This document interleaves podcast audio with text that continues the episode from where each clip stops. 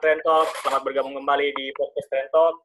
Di malam ini, di episode ketujuh, seperti biasa, kita hari ini ada berempat. Yang bisa berempat dulu ya, guys. Ada Made di sebelah saya. Halo, Udah makan, ya? udah tiga kali dalam empat jam. Makan tadi? Terus, anjir. Dalam rentang waktu ada 6 jam ya, tiga kali makan ya. Oke. Sorry, gimana kabar Oh, Jul? iya. Malam ini sebenarnya aku tadi udah dari posmu sih. Biar teman-teman pendengar juga kan pengen tahu kabarmu, bro. Gimana? aman aman Aman. Riko, gimana ko? Jogja aman ko? Aman, aman, Leh. Aman. Aman terkendali. Gimana nih? Eh, teman-teman kerjaan aman nggak? Masih lancar nggak? Lancar. Semua aman ya? Masih aja WFO lah. nih? Kenapa? Masih WFO atau WFA? Eh, masuk terus kita, Leh, dari dulu. Iya ya, nggak ada nggak ada cerita ya, nggak ada cerita ya, WFO WFO ya. Iyalah. Ya Jogja mana-mana aja bro. Oke oke oke oke oke.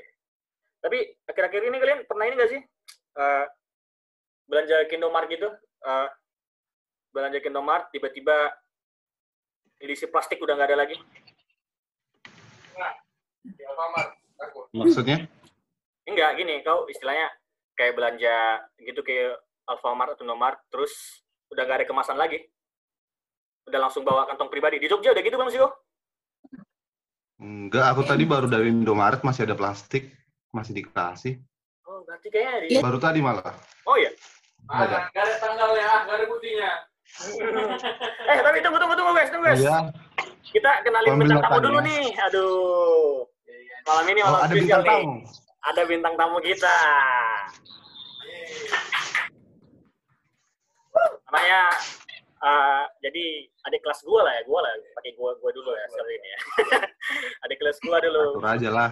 kuliah di Nomensen, Stambung 14. Dek Teresia Sirait, terima kasih Dek atas waktunya udah bisa bergabung Iya. malam ini. Hey, hey. Iya bang, sama-sama. Slow aja deh. anggap, aja kayak debat-debat biasa yang kau hadapi. Aduh. Tapi kan ini kan masih pertama, pertama. ketemu. Pertama ya. Jadi ada kita ini dulu, aku ngikutnya dulu dia seorang ini sih, eh, permahi dia, Iya, organisasi. Medan dan juga ikut debat juga. Kemarin debat apa sih dia yang sempat juara itu? Kalau juara itu kan debat MPR regional Sumatera Utara. Cuma kemarin tuh paling ini eh, debat Mahkamah Konstitusi. Kayak mewakili Medan. Jadi kayak Nomensen sama USU Oh iya, ke nasional. Iya. itu kemarin pas tahun berapa sih? 2000 berapa? 2018. Oh iya, udah wisuda ya. Eh 2017, 2017, 17 debatnya. Oh iya udah ya. Pantas lah, aku cuma ngeliat postingan temanmu aja sih. Siapa sih partnermu kemarin yang dua Siapa? orang itu? Aku udah ada. Si Tanner. Si Iya. ini Santun. Oh iya Santun. santun, ya santun, ya santun. Aku kenal baik sama dia. Halo Santun. Tapi bukan santun kepala sekolah kita, bro. Halo Santun, saya Sopan. Jadinya Sopan Santun. Iya iya. Soalnya kalau ini kayaknya dengar sih, soalnya ntar Tracy bantu promosi ya. Pasti lah. Ya. Dalam rangka pojok sosial dia. Bercanda, bercanda, bercanda, bercanda. Gimana dek kerjaan lancar? Lancar bang kerjaan. Walaupun ada ya. perbedaan sih, ya perbedaan sih eh, sudah COVID Kerja di Kerja di mana dek? Teman-teman di law firm. Di law firm bang. oh, ya. di daerah mana sih? Jakarta ya? Di Jakarta. Jakarta Barat. Oke. Jakarta Barat, daerah mana? Jakarta Barat, Kebonjeruk. Oh, Bonjar. Oke. Kendalanya dia kerja apa sekarang? WFH, WFO? Kalau lo kalau law firm kayaknya pas kayaknya pas WFA juga kalian tetap WFO kan, Dek? Atau pernah WFA juga? Oh, pernah WFH tuh udah dua bulan WFH kemarin. Tapi sekarang udah WFO. Udah WFO. Oh iya. Iya. Jadi malam ini berdasarkan kemarin request dari pendengar kita. Ada nih, Bang, bahas dong hal-hal yang berfaedah katanya. Yang Semuanya kita bahas gak berfaedah ya, guys? Sebenarnya nggak ada gunanya. Terus gue tanya, emang yang berfaedah gitu mau kayak mana sih, Dek? Yang mau kalian bahas? Cewek apa cowok? Cowok. cowok, cowok, cowok. Cowok, cowok. Oh, oke. Ya, bahas-bahas itu kayak eh, apa yang lagi hit sekarang, entah COVID ke, entah ini ke. Tapi gimana sih kalau ini? Apa? Kalau terus dia nanya gitu, dia kemarin teman. Terus pengen itu eh, bahas tentang RUU PKS. Hmm. Oke, ntar kita, kita coba bahas. Dan ini mungkin ada time yang pas ya, kita untuk bahas ini malam ini. Dan juga kebetulan Dek Teresa juga, eh, kita berterima kasih lah. Jadi dia bisa memaparkan sedikit banyaknya untuk tema ini malam ini. Jadi eh, pertama yang tentang RUU PKS. Eh, dan terakhir ini kayaknya Dek itu lagi polemik ya karena ditolak ya dalam prolegnas tahun ini ya. Iya, sebenarnya kan RUU PKS itu kan rancangan undang-undang pelecehan kekerasan seksual. Nah, sebenarnya itu udah dikumandangkan tuh tahun 2016, Bang, udah masuk prolegnas. Nah, prolegnas itu apa? Prolegnas itu program legislasi nasional. Jadi kan DPR itu kalau misalnya nih membuat satu undang-undang, emang tugas mereka kan membuat undang-undang kan, Iya, merancang suatu undang-undang. Iya. Jadi dimasuk daftar RUU-nya. Nah, yang ironis itu bulan Juli itu prolegnas eh, RUU PKS itu dicabut dari prolegnas tahunan. Jadi Ya. dipindahkan ke prolegnas 2021. Oh, ya, ya, ya, ya, ya, ya. Yang yang kenapa yang jadi polemik adalah karena alasan dari DPR itu katanya susah bahas RUU PKS itu di Komisi 8 sih kemarin. Jadi dia udah dicabut dari Komisi 8 nggak nggak bisa dibahas tahun ini. Hmm, Padahal itu yang ironisnya itu dari tahun 2016 sudah masuk prolegnas tapi 2020 yang ditunggu-tunggu oleh masyarakat kan apalagi di kaum-kaum orang termarginalkan, orang-orang yang punya karena ini RUU PKS ini urgensi banget kan untuk khususnya untuk orang-orang kaum lemah eh, untuk perempuan. Tapi malah alasan DPR yang menjadi wakil wakil kita nih menyuarakan apa aspirasi kita. Ya. Malah itu dicabut dicabut dip- dipindahkan ke tahun 2021. Nah, itu kita nggak tahu 2021 itu nanti juga dipindahkan lagi atau enggak itu itu memang hak DPR sih. Iya, ini menjadi ini juga sih dilema juga kan, di mana Hmm. eh, RUU PKS ini kalau nggak salah di diusulkan kalau nggak salah dari 2016 deh ya masuk draft kan? Iya, sebenarnya sebenarnya da- RUU PKS ini kan eh, pertama kali itu draftnya itu dibuat oleh Komnas Perempuan. Nah, tapi yang menjadi usulan itu menjadi usulan DPR. Nah, draftnya aja dibuat dari Komnas HAM, tapi yang menyuarakan itu eh, DPR nih. Jadi kan sebenarnya rancangan undang-undang itu bisa diusulkan oleh DPR dan Presiden. Nah, RUU PKS termasuk yang diusulkan presi, eh, sorry, yang diusulkan oleh DPR untuk dibahas nih. Iya, itu dia diusulkan dari 2016 sampai 2020 belum terjadi.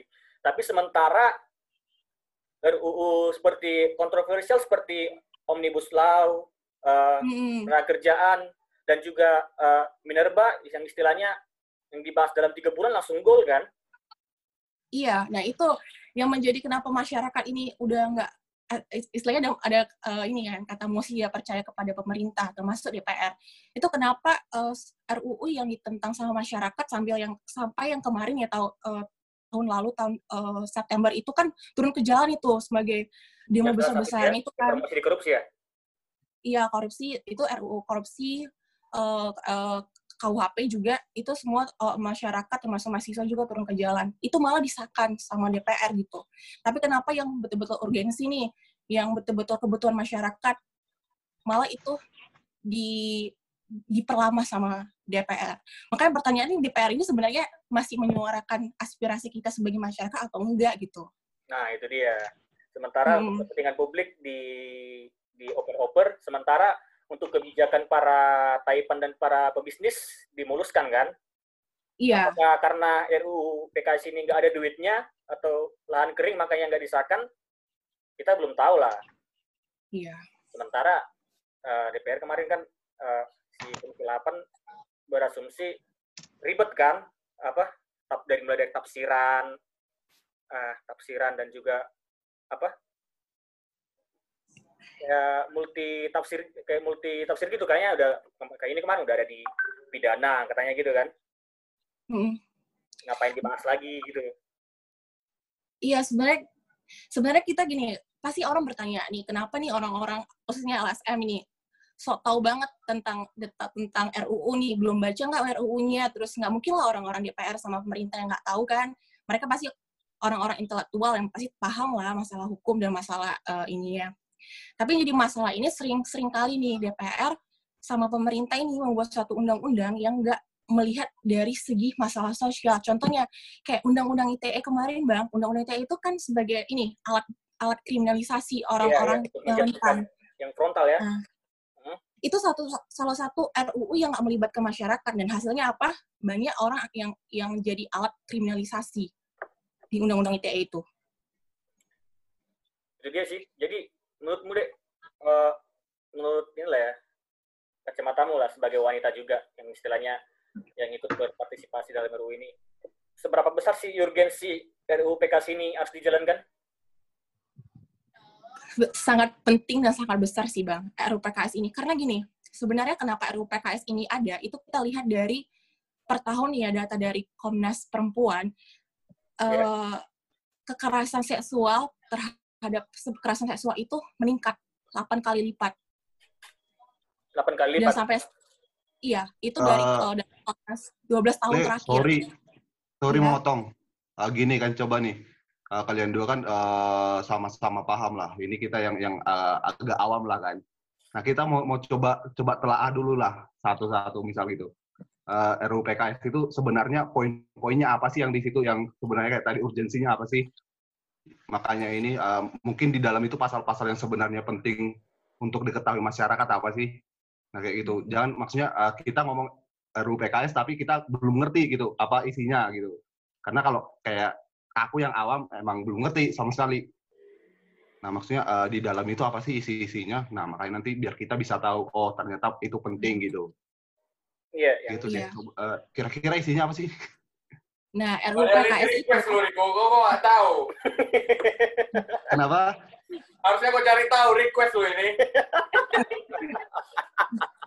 enggak enggak enggak enggak enggak enggak Lanjut, lanjut. Emang lanjut lanjut itu itu intermezzo Iya emang sih. kau ngerti? Emang kau Tapi- ngerti? Ketawa juga kau. Lanjut. RUU PKS itu kenapa ada rancangan undang-undang PKS dan nantinya akan nanti kalau misalnya disahkan jadi undang-undang PKS kenapa penting? Karena gini di KUHP kita ada KUHP Kitab Undang Hukum Pidana itu mengatur cukup terbatas. Dia kalau yang ter- eh, termasuk kekerasan seksual itu hanya eh, perkosaan, aborsi, prostitusi sa- eh, sama cabul. Nah, di P- RUU PKS ini, tepatnya di pasal 11 itu ya Bang, kalau nggak salah, ada sembilan jenis ke, eh, kekerasan seksual, termasuk dia pertama kayak eksploitasi seksual, pelecehan seksual, terus eh, pemaksaan apa Perkawinan. pemaksaan perkawinan, ya pemaksaan kontrasepsi, pemaksaan eh, aborsi, perbudakan seksual dengan eh, penyiksaan seksual itu termasuk. Nah, yang menjadi kenapa ini sebagai eh, urgensi karena kekosongan hukum. Nah, kita nggak ada mengatur. Nah, sering sekali ini di KUHP itu cuma dibahas secara terbatas. Kita nggak ada sanksinya. Malah seharusnya yang korban itu dilindungi dong. Ini malah korban sebagai yang yang malah disalahkan karena itu nggak tidak ada hukum yang mengatur sanksinya itu tidak ada di KUHP hanya terbatas karena kan kita tahu kalau keras pelecehan kekerasan seksual itu bukan hanya fisik tapi non fisik juga termasuk gitu nah yang yang dibah yang kenapa orang-orang pada menentang nih eh, RUU PKS ini? Karena dia, dianggap di- eh, dianggap pro LGBT pro zina Iya. sebenarnya nggak nggak ada sebenarnya kalau kita baca nih draft itu nggak ada yang mengatakan pro LGBT sama pro zina gini. Kayak contoh nih kenapa mereka kayak menentang ini kayak eh, arti dari definisi dari kekerasan seksual ini katanya ada kata dengan dengan dengan paksa ya dengan dipaksa dengan dipaksa eh, itu termasuk bisa disang, dipidanakan di RUU PKS tapi sebenarnya makanya dibilang mereka berarti kalau nggak dipaksa jadi gimana dong? Itu kan seolah-olah mereka pro zina nah mereka mereka tuh lupa sebenarnya di KUHP juga kan masalah zina sudah diatur nih. Di undang-undang eh, di undang-undang yang lebih spesifik juga di- diatur masalah zina sebenarnya itu nggak menjadi persoalan sih nggak menjadi inti dari inti dari problem dari RUPKS karena kan toh juga RUPKS ini sebagai payung hukum supaya kekerasan seksual terhadap perempuan. Nah, ini orang pa- salah tanggap nih. RUPKS ini bukan hanya untuk perempuan saja, karena RUPKS ini juga untuk laki-laki juga. Data dari Komnas Komnas Komnas ini Komnas eh, Komnas Pem- eh, Kementeri eh, Pemberdayaan Perempuan juga mengatakan bahwa tiga, dari Januari sampai Juni 2020 malah 1894 kasus melibat eh, kekerasan seksual melibatkan anak laki-laki. Hmm, berarti RUU PKS bukan cuma untuk wanita doang, ada juga dilindungi untuk cowok. Iya, Itu bagiannya Iya, gimana makanya- sih? Misalnya kalau untuk RUU PKS di bagian cowok itu gimana sih maksudnya? nah yang bagian cowok itu itu di bang jenis-jenis kayak eh, pemaksaan, Hmm? pemaksaan kontrasepsi, Pemaksaan. terus eh, pe- Oh, iya. karena kan uh, itu itu termasuk juga kayak uh, terkadang gini uh, malah kayak ini kasus yang terakhir itu di Depok Hmm, iya, iya, iya. yang. Uh, itu kan sama aja kayak sebenarnya itu kasus yang uh, jujur itu kayak betul-betul ya sangat sedikit sedih kan karena ya mas mas saya itu adalah tempat tempat gimana ya tempat uh, itu gereja kan tempat uh, tempat kita menaruh Iya. uh, ha- pengharapan. Terus tapi terjadi tindakan kekerasan seksual khususnya terhadap anak. Kayak gitu. Nah Iya, itu kan itu membuktikan bahwa sebenarnya memang aku juga pernah baca uh, pernah dengar sih khususnya. Rata-rata memang itu yang yang paling rentan itu anak-anak laki-laki sih. Dan, dan juga karena eh, Mm. kemarin ini juga sih dia istilahnya dalam selama ini juga eh, si korban juga dalam kekerasan seksual ini disalahkan kan? iya itu Dari cara berpakaian dia terus kan pertama kan gini kalau diperiksa polisi apa yang terjadi? Di mana kamu melakukan bersama siapa? Apa kamu menikmati pakaian kamu seperti apa? Kan istilahnya eh, agak menyerang si korban juga kan? Selama ini yang iya. kita pakai benar karena itu sih itu terlalu pemikiran yang masih patriarki dan misoginis banget sih bang menurut aku. Karena sebenarnya ya kita tengok data-data terkadang bukan hanya pakaian ya orang yang udah tertutup semua aja kalau memang si eh, si pelaku itu memang pikirannya udah aneh-aneh memang udah kekerasan seksual mereka aja yang salah. Jadi kayak sebenarnya tuh kata-kata yang yang terlalu patriarki sih kalau menyalahkan karena pakaian aja gitu dan salah satu contohnya itu yang paling kemarin paling di situ baik Nuril kan? Yang ah kemarin ya nih bang. mengalami eh, dilecehkan sama ini kan? Atasannya. Dilecehkan sama atasannya dia ngadu. Terus ujung-ujungnya dia di ini kan? Dilaporkan kan? Pencemaran nama baik bukan? Iya, itu dia tuh. Karena undang-undang ITE, undang-undang ITE. Nah, baik Nuril itu kan itu. Sebenarnya tuh kan dia itu kenapa kena itu kenapa eh, dia di dia di ini kan dijerat karena undang undang-undang ITE karena dia menyebarkan isi dari percakapan itu. Makanya sebenarnya di RUU PKS itu itu sebagai payung hukum payung hukum nih, payung penegak hukum supaya kasus-kasus seperti si baik Nuril itu nggak terjadi lagi. Karena udah ada nih undang-undang khusus yang mengatur hal tersebut gitu. Kan kalau kayak gitu kan masih banyak korban masih gini loh korban tuh ma- makin banyak loh bang gitu.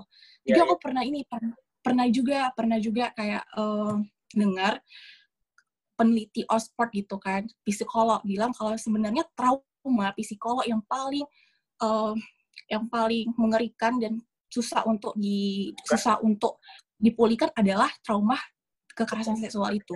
Iya iya iya iya iya, betul betul betul betul. Dan ini juga eh, pemulihan korban juga ini kan bisa jadi salah satu sorotan juga kan di iya. sini Makanya di RUPKS itu dia bukan hanya sebagai penanganan, pencegahan, tapi pemulihan korban-korban, korban-korban yang eh, dari kekerasan seksual itu. Makanya itu urgensi, urgensi kenapa harus eh, DPR mensahkan kayak gitu. Nah, yang berita kemarin itu juga yang tentang ini ada ru- rumah rehabilitasi di Lampung khusus untuk pemulihan eh, orang-orang yang mengalami kekerasan seksual. Terakhirnya siapa?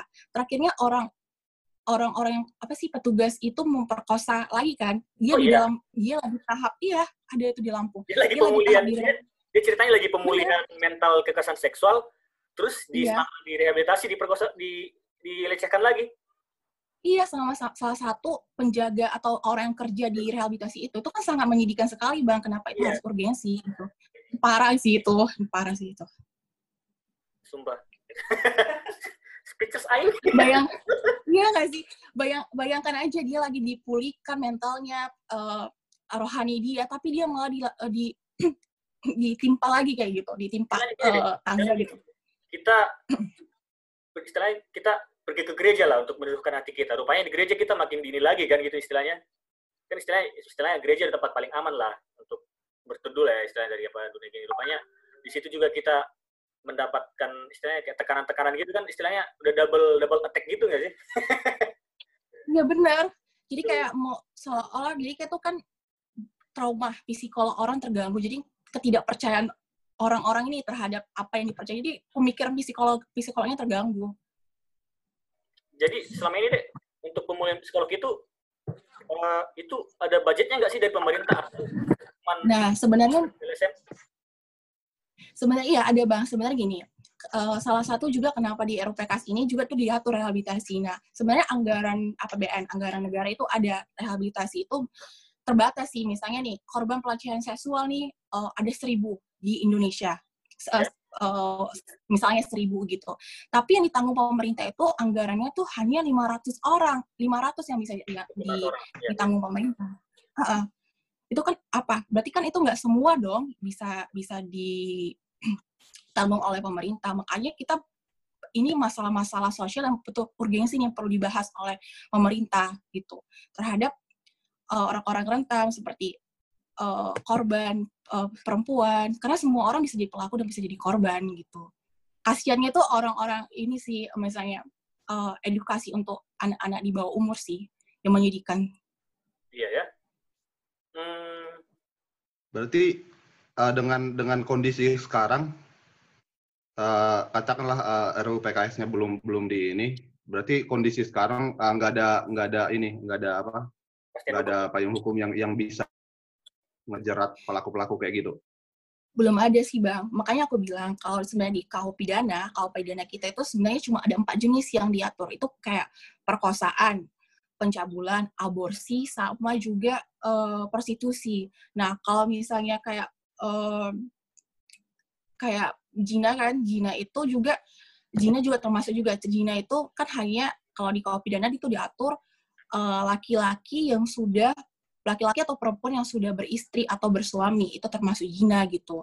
Tapi kalau secara itu masih terbatas dan sanksinya itu juga sanksinya itu eh, juga masih terbatas. Nah, adanya RUU PKS ini sebagai payung hukum dan dia tuh lebih lebih spesifik nih di RUU PKS lebih lebih jenis-jenisnya lebih diperbanyak. Apa yang termasuk kekerasan seksual, sanksi-sanksinya juga apa gitu. Yang harusnya tuh Tapi- sama eh, sanksi Kalau semisal di ini di motong nih, kalau semisal di yang sudah-sudah nih, misal nih ada eh, apa rancangan undang-undang yang udah dinaikkan, disahkan, terus jadi undang-undang gitu misal, itu emang berefek nggak sih untuk untuk menekan angka ini? Misal apakah nanti setelah rancangan undang-undang PKS di ya. Disahkan terus jadi undang-undang terus gitu bakalan bisa menekan eh, angka-angka yang tadi apa gimana? seharusnya bisa sih bang itu untuk menekan. Paling tidak kita punya sangs, eh, punya payung eh, punya payung hukum dan punya eh, jerat hukum ya sanksinya. Walaupun untuk memperbaiki itu kan tidak se, se- eh, segampang untuk membalikan telapak tangan kan tapi kita punya ini eh, punya dasarnya. Ini si eh, si pelaku ini harus dijerat karena sekarang ini kita nggak ada nggak ada eh, sanksi hukum untuk pelaku Eh, dari takutnya beberapa kan gini. jenis takutnya gini, eh, maksudnya kalau yang namanya undang-undang kita kan kebanyakan banyak apa ya kalau kita orang awam bilang itu banyak pasal karet lah, banyak pasal Iya. karet karena semisal undang-undang ITE lah, undang-undang TE banyak yang misal semisal ke si A bisa kena ke si B nggak bisa, padahal dengan case yang sama. Nah jangan-jangan nanti ini eh, yang RUU PKS-nya juga bakalan bisa sama. Dengan kayak gitu misal de- dengan case yang sama tapi eh, lihat personnya juga berarti. Nanti ke si A bisa kena ke si B enggak. Nah takutnya sih undang-undang kita jadi kayak gitu sih. Jadi ya ada jual beli sih jadinya. Iya, tapi kan iya sih benar setuju sih. Kalau ada beberapa undang-undang kayak undang-undang ITE juga sih pasal karet gitu kan.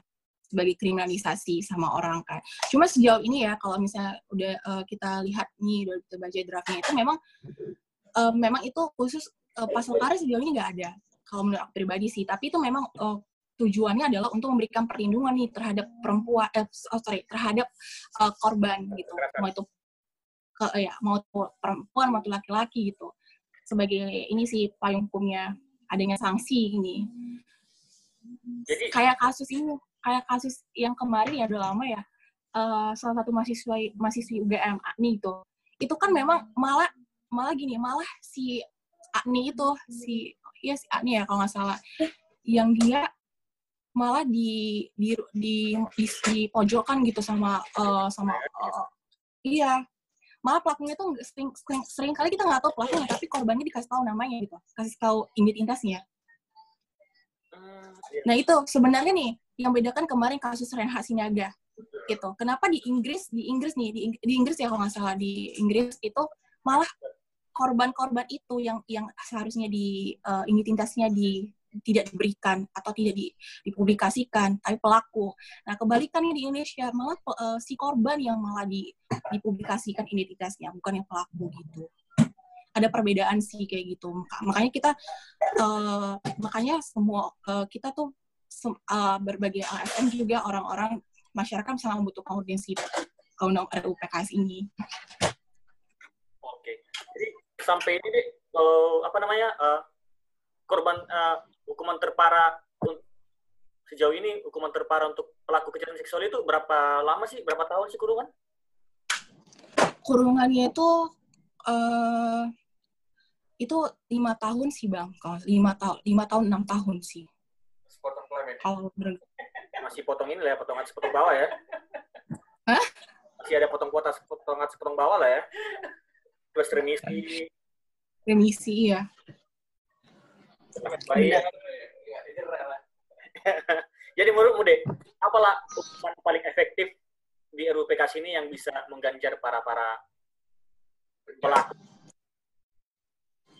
Itu dia bang sanksi sanksi hukumnya. Makanya aku bilang kan sebenarnya di RUPKS ini jenis-jenis kekerasan seksual itu itu diperbanyak di sembilan jenis. Yang tadinya di KUHP kita itu cuma ada perkosaan aborsi sama uh, prostitusi dan perjinahan tapi di di jenis di RUPKS ini ada nih kayak pemaksa uh, pemaksaan perkawinan perbudakan seksual atau prostitusi pemaksaan kontrasepsi, eksploitasi itu bisa dijerat, dipidana gitu. Sedangkan kalau di KUH pidana kita itu belum diatur sekarang gitu. Iya, Tapi iya. di RUPKS itu termasuk gitu. Makanya itu betul-betul sangat urgensi karena dia semua tuh jenis-jenisnya. Salah satu yang paling berbeda itu dari hukum pidana sama RUPKS itu gini kan, aku kemarin cepat baca sih. Kalau misalnya dalam hmm. hal perkosaan, di, di pidana itu dalam hal perkosaan yang di, itu kan istilahnya dalam ininya uh, dalam actionnya perkosaan ini kan, hubungan badan kan.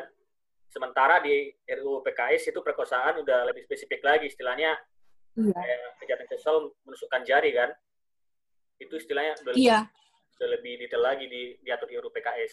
Jadi RUU PKS itu istilahnya Benar. perkosaan itu istilahnya melecehkan wanita yang memasukkan jari ke kemaluan itu udah termasuk ke pasal pemerkosaan kan? Iya. Nah, Jadi nah itu sebenarnya sebenarnya orang kan ini di, karena di KUH pidana kita itu kan terbatas, nggak spesifik, spesifik masih universal bahas. Nah, kita terjadi kekosongan hukum dong. Nah, perlu ini dibuat undang-undang yang mengatur. Nah, itulah RUU PKS biar tidak jadi, tidak terjadi kekosongan hukum. Makanya kenapa itu urgensinya seharusnya dibahas oleh DPR karena kita nggak punya nih, nggak punya uh, pasal yang mengatur ini secara jelas.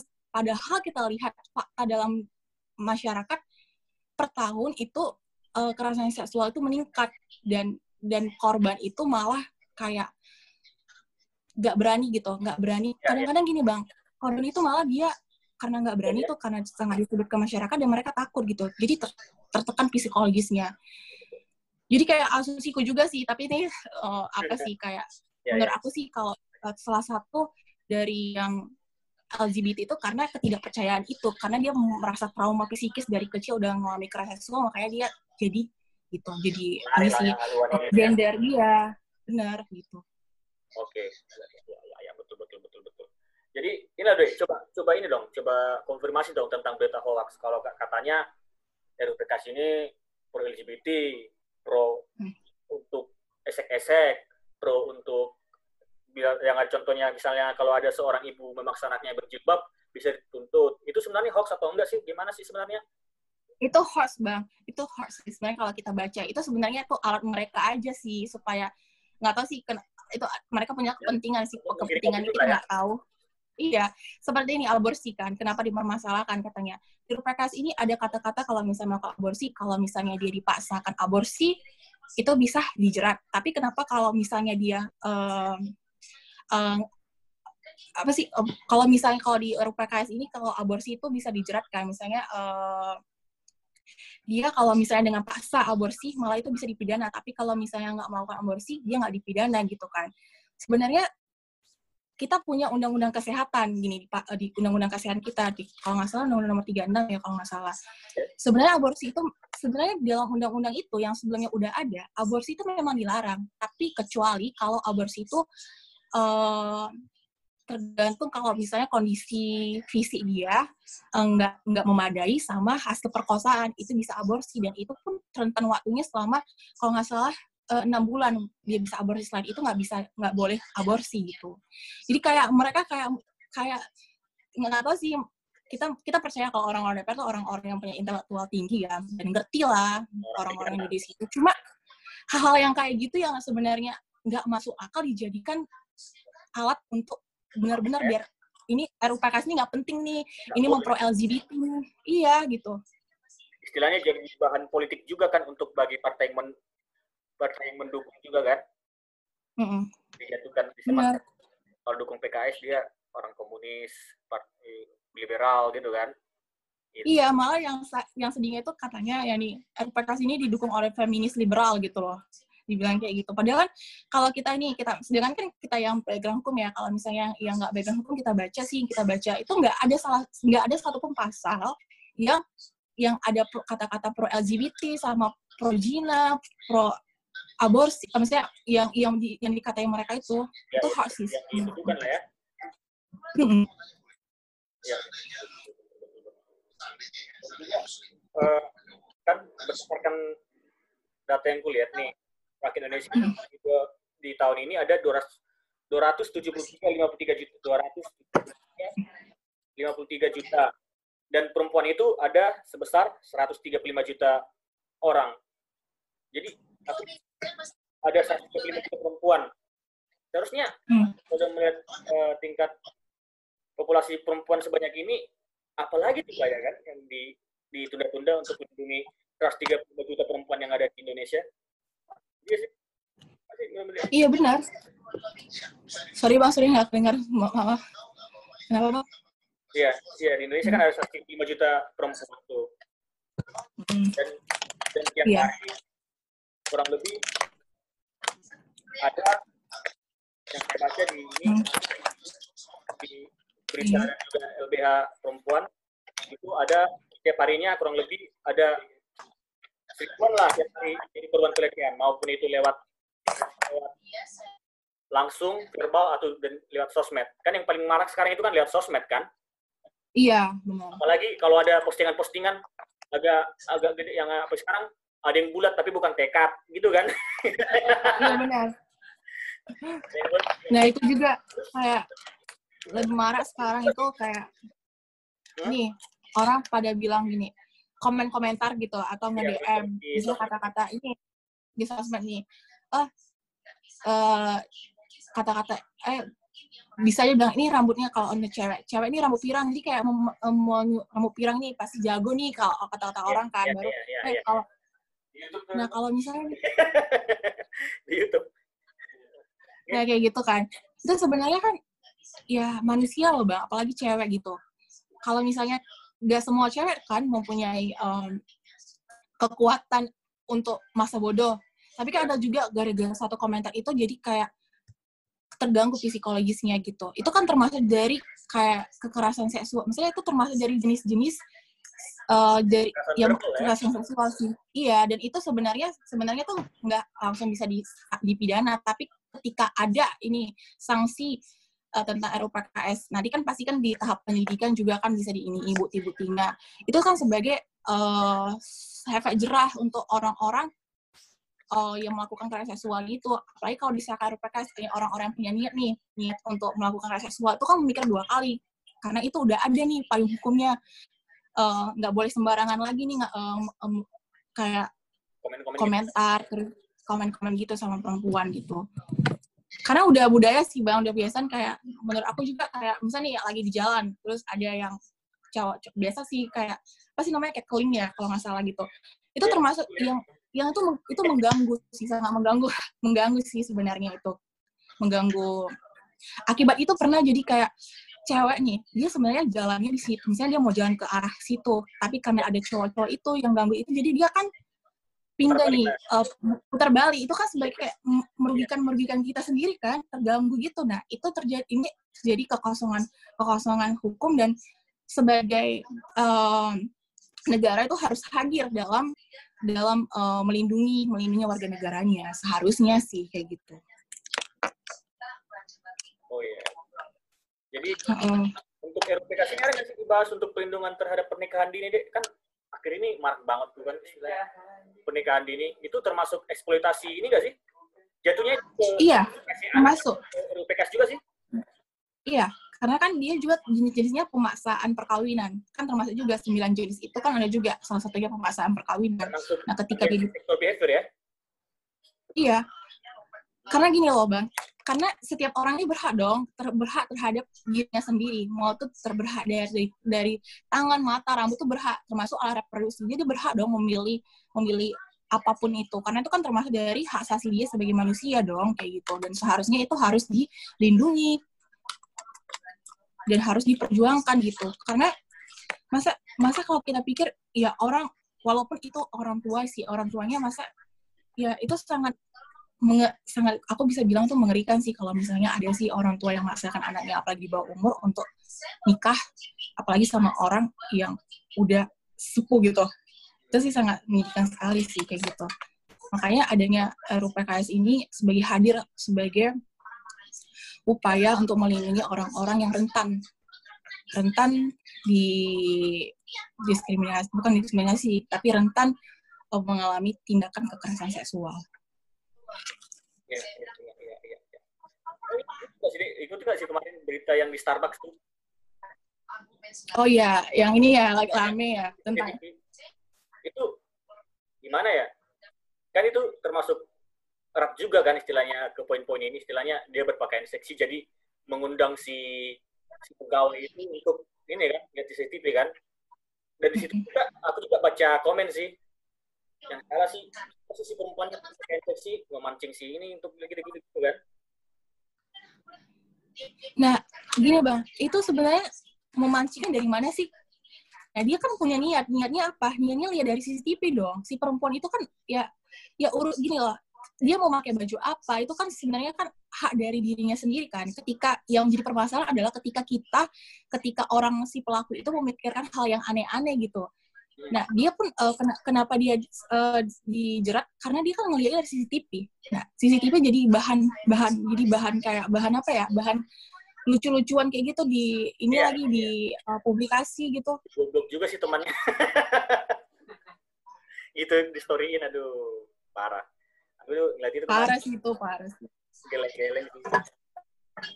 Karena kan juga kadang si orang sih nggak mikir juga kan, karena eh, oke misalnya dia nggak terjadi sama diri dia sendiri, tapi kan kita kita nih punya adik, punya punya saudara, punya orang tua, punya keponakan yang pasti pasti suatu saat kalau misalnya ya kita amit-amit cabang bayi ya misalnya itu akan terjadi tapi iya itu bisa bisa aja terjadi gitu.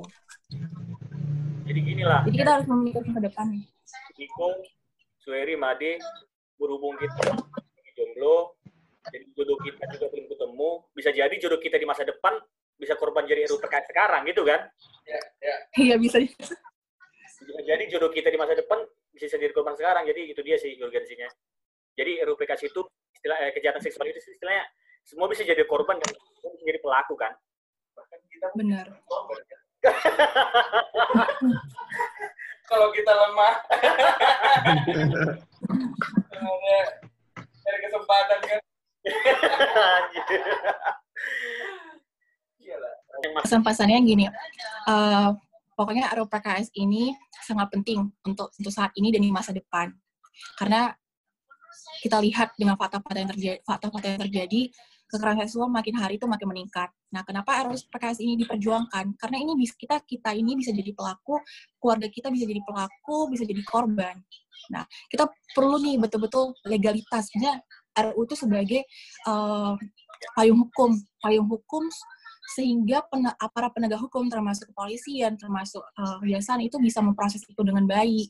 Kita perlu itu. Karena apa apa pun apalagi kita kan negara hukum kan negara hukum itu kita harus berdasarkan dengan hukum berlaku. Hukum yang berlaku itu termasuk dengan undang-undang uh, ada legalitasnya. Nah ketika tidak ada nih aturan yang mengatur itu semua itu sangat rentan. Sangat rentan untuk dikriminalisasi gitu. Kita harus memperjuangkan juga uh, kita harus sebenarnya sih lebih aware sih sama masa-masa sosial yang terjadi saat ini. Sering sekali kita kayak ah merasa bodoh. Kan juga nggak terjadi sama sama aku pribadi. Tapi kan kita nggak tahu gini kapan pun kita bisa terjadi. Misalnya kita punya teman punya saudara punya anak suatu saat nanti punya uh, saudara terdekat jangan-jangan dia juga pernah mengalami kekerasan seksual yang malah dia diam untuk menyuarakan itu itu penting sekali Nah, karena RUU PKS ini bukan hanya sebagai pencegahan sama penanganan, tapi juga pemulihan nih terhadap psikolog kita gitu. Karena kalau ketika psikolog kita akan terganggu, itu akan berefek sih sama ke depannya kita merubah karakter kita juga. Oke. Ini sih istilahnya ada ini istilahnya RUU PKS uh, kan yang jadi uh, serang balik dari pembela RUU PKS. Kenapa sih kau tidak setuju sama RUU PKS? Kau kayaknya nggak open minded. Istilahnya open minded itu apa sih dalam artinya itu? istilahnya serangan nah, gini. dari yang ini kau kenapa sih nggak dukung Eropa ini eh, itu karena itu kau Cina pro ini kau nggak open minded kalau gitu jadi istilahnya kan yang dimaksud dalam open minded itu gimana sih dalam hal itu Nah gini, terkadang gini, orang bilang nggak open minded sebenarnya sih uh, kalau dibilang kamu nggak, uh, misalnya lu tuh nggak open minded, masa ini? Gini, uh, kalau open minded itu kan kita kan harus uh, lebih sadar dan terbuka terhadap masalah-masalah sosial nih, masalah-masalah sosial yang terjadi. Kita lihat fakta-faktanya.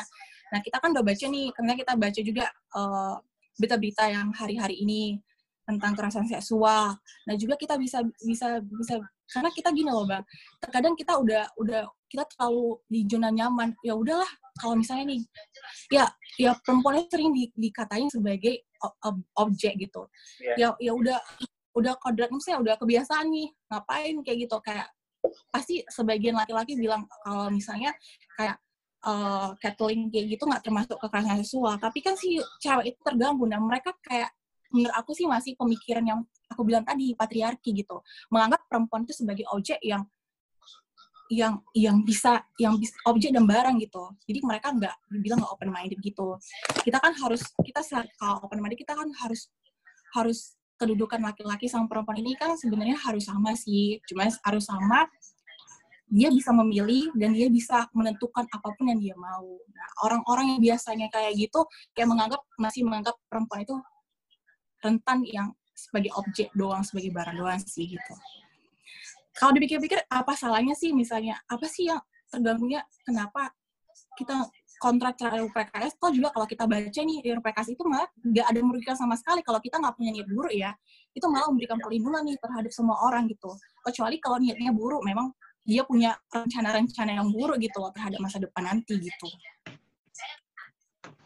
Dengar itu Made, jangan ada rencana buruk. No!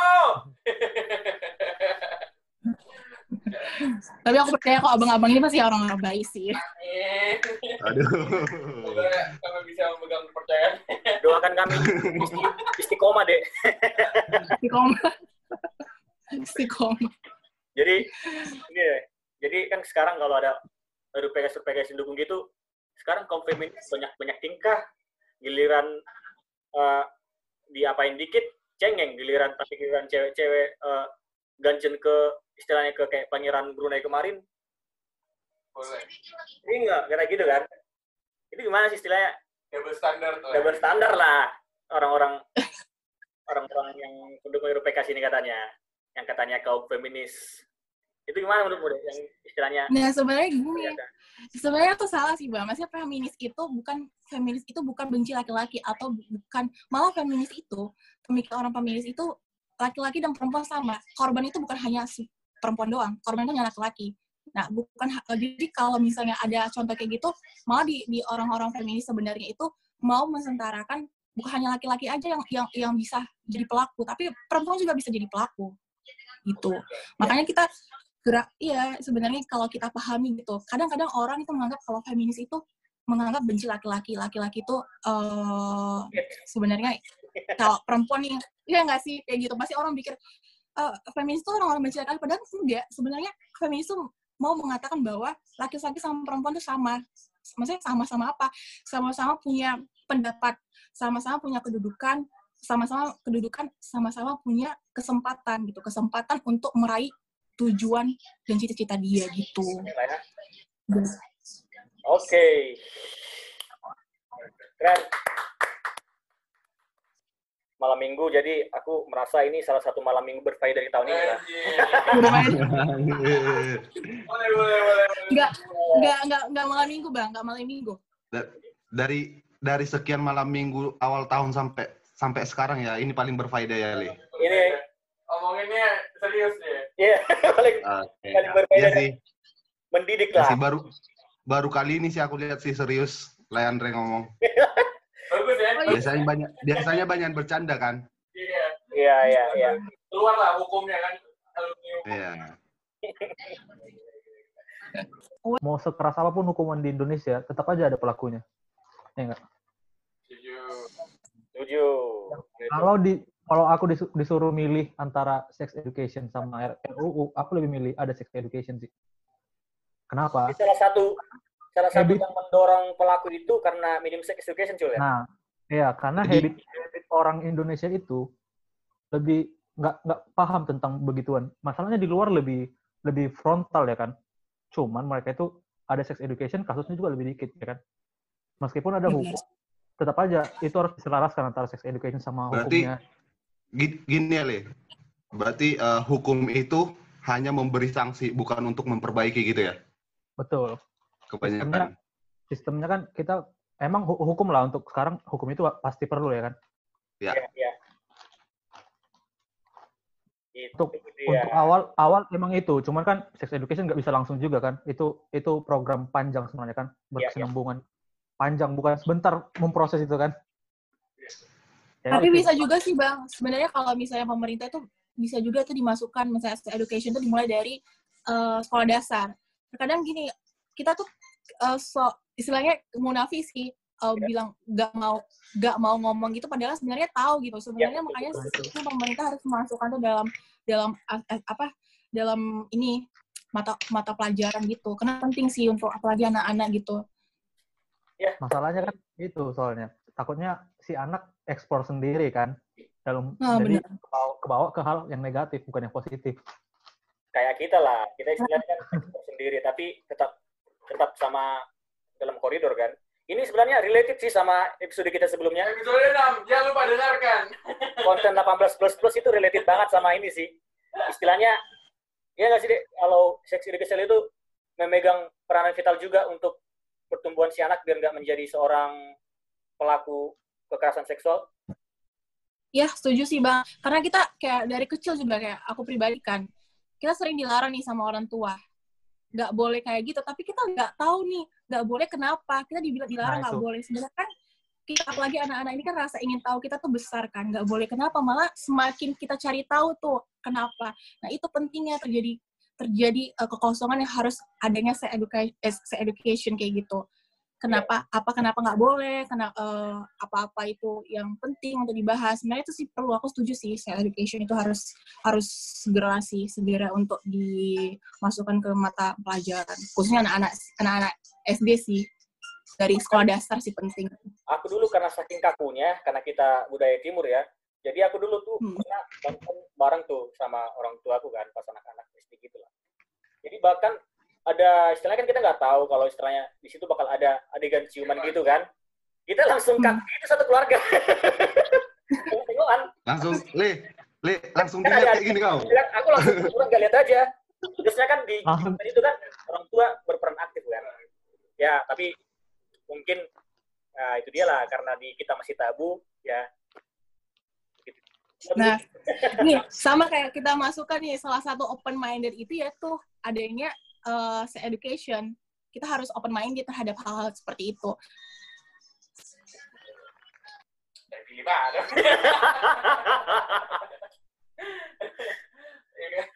Itu momennya bakal a- awkward banget ya bakal kaku satu hening satu rumah anak-anak pura-pura nggak lihat orang tua ngomong-ngomong Iya tuh kayak munafik banget gak sih bang? Anak-anak pura nggak lihat tapi anak-anak tahu gitu loh. Anak-anak Iya, tahu iya, orang tua tahu. Itu kayak munafik gitu.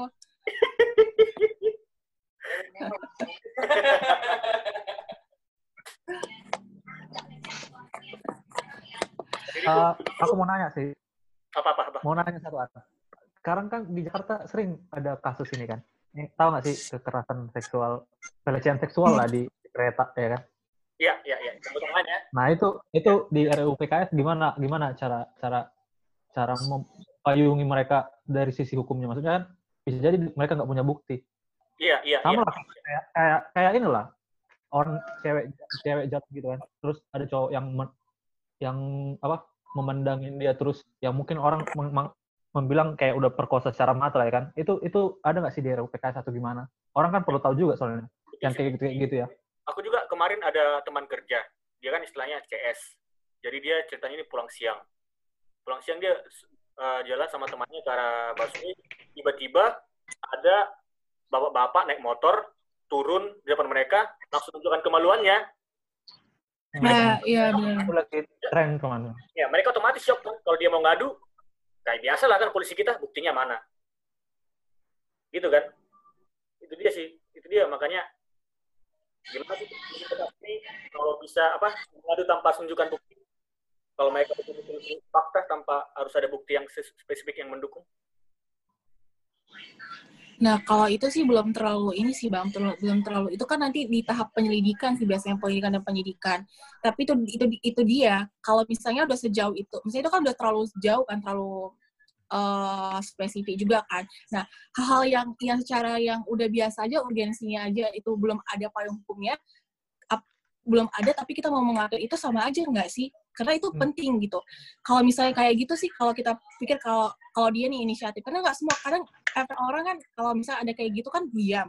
Ada orang langsung eh, untuk eh, mengeluarkan HP-nya, mengeluarkan HP-nya itu. Karena kan nggak semua orang punya punya punya keberanian itu. Makanya sebenarnya dalam RUU PKS ini juga itu bisa dimasukkan dalam eh, kekerasan seks, eh, kekerasan seksual secara non fisik. Nah itu dia nanti ya ya pas lebih lanjut akan diselidiki tahap penyidikan gitu. Sebenarnya gini aja, kalau ketika ada sanksi hukum ini, kita akan memberi efek jerak kepada orang lain. Nah, orang lain yang akan nanti uh, punya niat untuk melakukan itu, dia akan berpikir dua kali gitu. Karena kan selama ini kenapa orang secara secara secara mudahnya untuk melakukan hal itu karena nggak ada sama sekali pelaku itu nggak akan bisa dijerat karena nggak ada hukumannya gitu nggak ada hukuman sama pelaku terbatas nah ketika udah ada RUPKS itu malah orang-orang lain orang-orang yang nanti akan melakukan hal tersebut berpikir dua kali dong. Walaupun kita kita nggak menjamin itu nggak akan ada lagi kejadian itu pasti ada. Cuma kan itu sebagai memilas meminimalisirkannya gitu. Tapi kalau kalau kalau semisal kayak gitu yang RUU PKS-nya kan itu tadi eh, jadi di ditunda lah berarti kan sampai 2021 dimasukin ke agenda 2021 kan. iya Nah, dibahas. semisal lah. Nah, semisal tahapannya kan masih berarti masih di DPR masih ke kalau misal di 2020 juga masih pembahasan kan, belum langsung disahkan kan. Apa Mm-mm. apa semisal pas pembahasannya itu masih bisa ada poin-poin yang bakalan direvisi apa gimana? Apa, bisa aja bang atau- makanya Oh, bisa aja gitu. Makanya sebenarnya kan kenapa itu masuk nih ada nih RUU nih kalau di dalam eh, tahapan DPR itu untuk mensahkan suatu undang-undang kita ada pembahasan nih pembahasan antara DPR dan presiden karena menyatukan pemikiran itu nggak mudah. Makanya sebenarnya harus melibatkan masyarakat. Nah kita eh, masyarakat melalui LSM atau penggiat-penggiat atau aktivis yang di bidang itu. Nah seharusnya nih DPR sebagai kalau dia misalnya wakil kita dong dia harus melibatkan mereka-mereka itu suara masyarakat. Nah, kenapa? Apa yang susah? Dan di situ kan kita mereka harus harus cari jalan keluar nih. mereka juga harusnya kasih tahu kenapa mereka susah menganggap susah itu mereka harusnya kasih tahu penjelasan-penjelasan kayak gitu. Nah, nah ini sering kali kenapa terjadi kayak jangankan RUU PKS ya, RUU kayak KPK, RUU KUHP itu DPR itu nggak akan DPR dan pemerintah nggak melibatkan masyarakat gitu. Sering kalau, sekali kalau untuk untuk ini apa eh, pengesahan undang-undang itu dari RUU ke undang-undang itu ada ini nggak sih ada limit nggak sih semisal dalam setahun itu hanya hanya lima RUU yang bisa disahkan jadi undang-undang atau gimana ada limit nggak sih Nah, nggak ada limit. Nah, ini ya nih ada yang kita ya? kecewa. Sebenarnya sebenarnya nih saat ta- DPR nih tahun ini tahun 2020 ini sebenarnya ini ada 49 50-an atau 49 undang-undang nih harus disahkan. Karena kan Hmm, memang itu suatu fungsi mereka, tugas mereka. Tugas mereka itu kan salah satunya adalah untuk merancang suatu undang-undang. Tapi mereka malah kayak dengar kabar ini 16 dipangkas, dipangkas undang-undang nggak dibahas eh, nggak dibahas nih tahun ini. Malah aku lihat nih dari teman aku bilang untuk saat ini cuma ada berapa undang-undang ya? Kalau nggak salah hanya kurang lebih lima undang-undang yang masih di di di apa disahkan. Sebenarnya kalau susah ya susah apa? Sebenarnya seorang DPR bilang undang-undang itu susah itu gak wajar banget bang. Kalau kecuali kalau kita kita ini yang bilang itu susah, karena itu udah bagian dari fungsi mereka dong, fungsi mereka untuk mewakili rakyat dan di bidang masing-masing. Karena kan di dalam DPR itu bukan hanya ahli hukum aja, ada ahli ekonomi, ada ahli memang semua kan tergabung dan mereka melibatkan ada ahli-ahli nih, ahli-ahli kayak guru-guru besar. Seharusnya mereka bisa lebih ini dong, lebih lebih lebih lebih masif dong gerakannya gitu. Karena kan memang udah bagian dari tugas mereka. Kecuali kalau mereka bilang ke kitanya, kita wajar dong kita kita akan lama atau kita nggak tahu. Karena itu kan bukan tugas kita dan bukan bidang kita gitu. Miris sih ketika ada uh, uh, misalnya DPR bilang itu sangat sangat uh, susah gitu.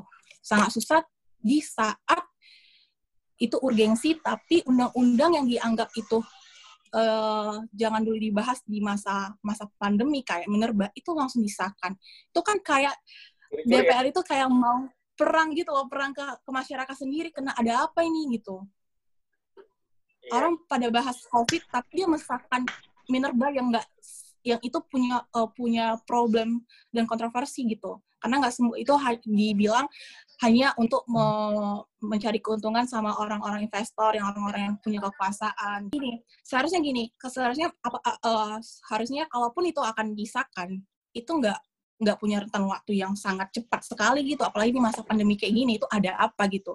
Siapa yang mau diutamakan? Utamakan kepentingan mana? Kepentingan masyarakat atau kepentingan Bisnis. ya kepentingan-kepentingan bisnis gitu? I know. Nah, aku lanjutkan pertanyaan dari si Riko aja. Aku kan termasuk nggak terlalu paham lah sistem sistem cara kerjanya DPR. Cuman secara garis um- besar kayak gini gitu doang kan. Nah, jadi kan ada komisi-komisi kan di DPR kan. Iya, Nah, yang membahas tentang RUU PKS itu kan eh, komisi 8, komisi 10 10 10, 10. Nah, aku penasaran sih, maksudku RUU PKS yang megang komisi 10 ya kan. Load kerja mereka gimana sih sampai sampai RUU PKS ini eh, di, ditunda? Apakah di Komisi 8 itu terlalu padat? Apakah eh, RUU PKS itu dibahas di Komisi 8 terus kayak direspon sama semua anggota DPR baru disahkan atau gimana? Itu sih yang kurang paham soalnya. Banyak juga kan nggak nggak paham kan kenapa gitu kan. Maksudnya Ya, cara kerja atau- kerjanya DPR itu atau- juga gimana atau- gitu. Gini le, jangan-jangan itu misal yang RUPKS-nya dibahas di Komisi 8 tapi yang yang Hmm. malah ribut bukan dari Komisi 8 gitu ya. Nah, iya, takutnya makanya pertanyaan kan apakah itu hanya di di lingkup Komisi 10 Eh. doang Enggak, Oh, Komisi atau- 10, sorry. atau dibahas dulu nih di, di, di komisi komisi yang menanganin terus kayak dirapatkan sama-sama gitu gimana Nah, sih? sebenarnya aku juga nggak terlalu paham sih, Bang, tapi setahu aku ya gini, itu kan udah masuk nih, udah masuk program legislasi nasional. Ada namanya balai, badan legislasi. Nah, itu dibahas nih di, di balai itu awalnya. Nah, nanti ketika udah dibahas ini, kumpul semua komisi, nanti di balai itu dibilang eh, diserahkan kalau bagian LU ini yang yang yang untuk dibahas nih kayak eh, RPKS Komisi 10. Nah, sebenarnya sih dari awal juga aku udah pesimis gitu itu dimasukkan ke ke Komisi 10. Kenapa? Karena Komisi 10 itu ruang lingkupnya salah satunya adalah eh, tentang eh, mengurus agama sih. Karena kan RUU PKS ini juga kita kita tahu banyak yang yang, yang salah satu partai yang menentang itu adalah PK, eh, PKS sih kayak gitu kan jadi wajar sih kalau mis sebenarnya nggak wajar sih tapi kalau misalnya kita lihat dari background latar belakang RUU yang ditentang itu suara partai yang paling banyak itu yang menentang itu kita malah kita bilang ya wajar ini dikeluarkan dari komisi 10 gitu makanya kita punya harapan kalau misalnya eh, komisi aku juga bingung sih misalnya sebenarnya ada standar masing-masing bang itu kenapa bisa dimasukkan ke kom- komisi ada komisi ini komisi satu, komisi dua, komisi tiga, komisi sampai komisi ini kan komisi 12 kayak gitu. Sebenarnya ada standarnya masing-masing kayak gitu. Cuma kita berharap kalau misalnya ini bisa dimasukkan ke kom- komisi berapapun sih yang berkaitan kayak komisi komisi berapa ya? Eh, komisi yang untuk perempuan itu komisi 7 ya kalau salah komisi 8. Tapi komisi 3 juga bisa ke bagian hukum gitu. 8 kalau salah agama sama sosial kalau salah. Iya, aga, iya agama gitu. Jadi kayak dulu sih memang masih pesimis karena kan kita lihat itu aku bilang tadi karena yang uh, backgroundnya itu orang-orang yang menentang itu ya memang ya dari partai yang berbau tentang ini agama gitu. Nah itu dia makanya pertanyaan kami kayak sama kayak si Riko tadi bilang jangan-jangan yang membahas ini contohnya komisi 8 yang menentangnya itu Ribut komisi lain ya. lain gitu intervensi atau gimana sih kan bingung juga sebenarnya.